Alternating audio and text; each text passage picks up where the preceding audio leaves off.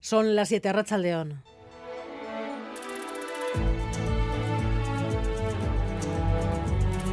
Gambara con Arancha García.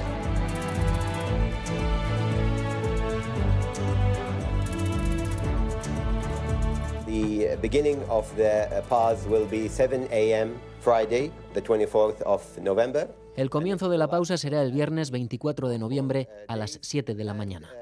Durará cuatro días, como estaba acordado. Los primeros rehenes serán liberados el mismo día a las 4 de la tarde. Serán 13 personas, todas mujeres o niños, y los rehenes que sean de la misma familia se liberarán a la vez. El gobierno de Qatar confirmando el inicio de la tregua entre Israel y Hamas mañana a las 7 de la mañana. La fiscal de menores ante los chats con pornografía y contenido violento entre alumnos de al menos 10 colegios de Guipúzcoa hay que actuar con rapidez.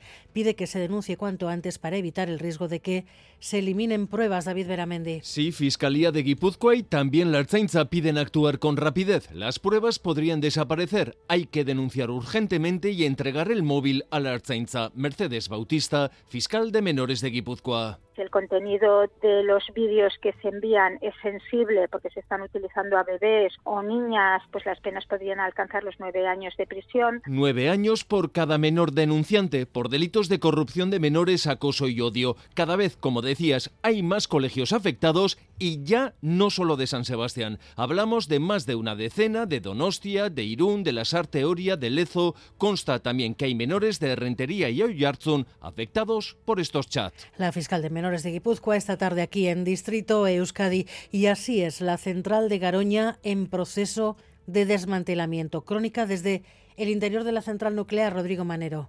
Sí, pues entrar en Garoña es como volver al pasado. La central se inauguró en 1971 y conserva la estética de entonces. Aunque hubo renovaciones, todo evoca aquella época. Empezando por la vieja sala de control, que solo vigila ya la temperatura de la piscina donde se guarda el uranio gastado, hasta el reactor, rodeado de una maraña de vetustas tuberías. Aquí está el combustible gastado en una piscina que se empezará a vaciar el próximo mes de enero. Según nos han explicado los responsables del desmantelamiento, luego se procederá a descontaminar y el derribo de todos los edificios empezará en 2026.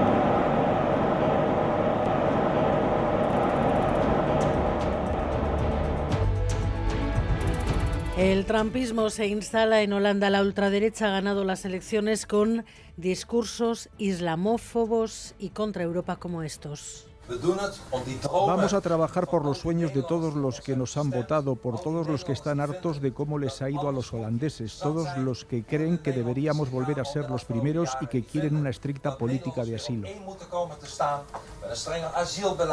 que pueda llegar al gobierno dependerá, sin embargo, de los partidos conservadores que van a tener que elegir entre dejar paso libre a la extrema derecha o aliarse con la izquierda en un cordón sanitario que les corte el paso. Y en Madrid, primeras detenciones a participantes en los disturbios frente a Ferrad, identificados por las grabaciones de los altercados. Entre ellos hay al menos un dirigente de Democracia Nacional, John Fernández Mor. Sí, la policía ha detenido ya cuatro personas, entre ellas el delegado en Madrid del partido ultraderechista Democracia Nacional. Se les acusa a los cuatro de un delito de desórdenes públicos por los disturbios en las protestas frente a la sede del PSOE en la calle madrileña de Ferraz. Con estos cuatro son ya 81 en total los detenidos en las casi tres semanas de disturbios. Y los jueces vascos se suman al pulso al gobierno por la ley de amnistía hoy concentraciones en Bilbao y Gasteiz. Se sienten señalados. Mercedes Guerrero es presidenta de la Audiencia de Vitoria. Pues un poco sí. Eh, lo cierto es que, bueno, no sé si señalados, pero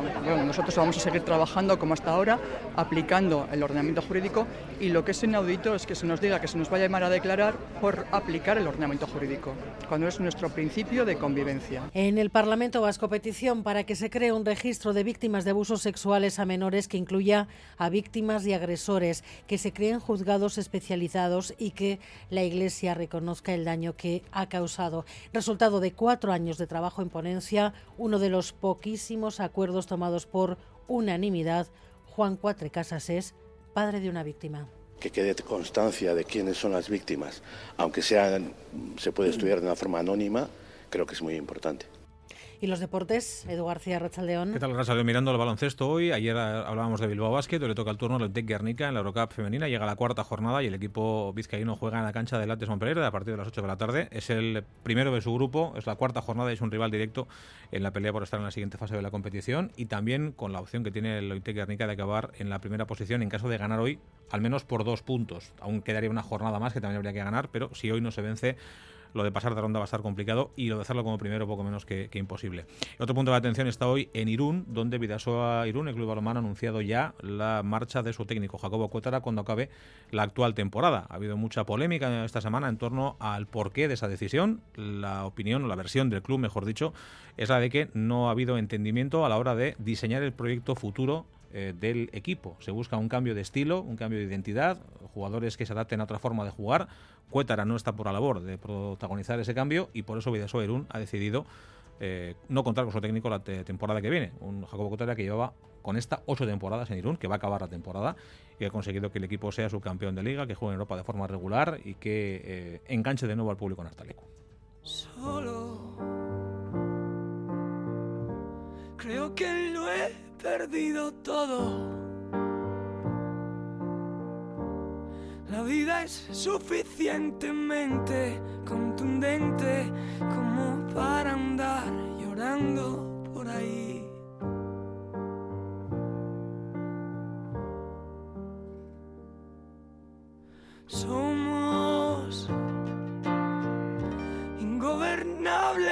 Nuestra contra hoy para un político que añora tiempos que solo a los que son como él le parecen mejores. Xavier Madriaga.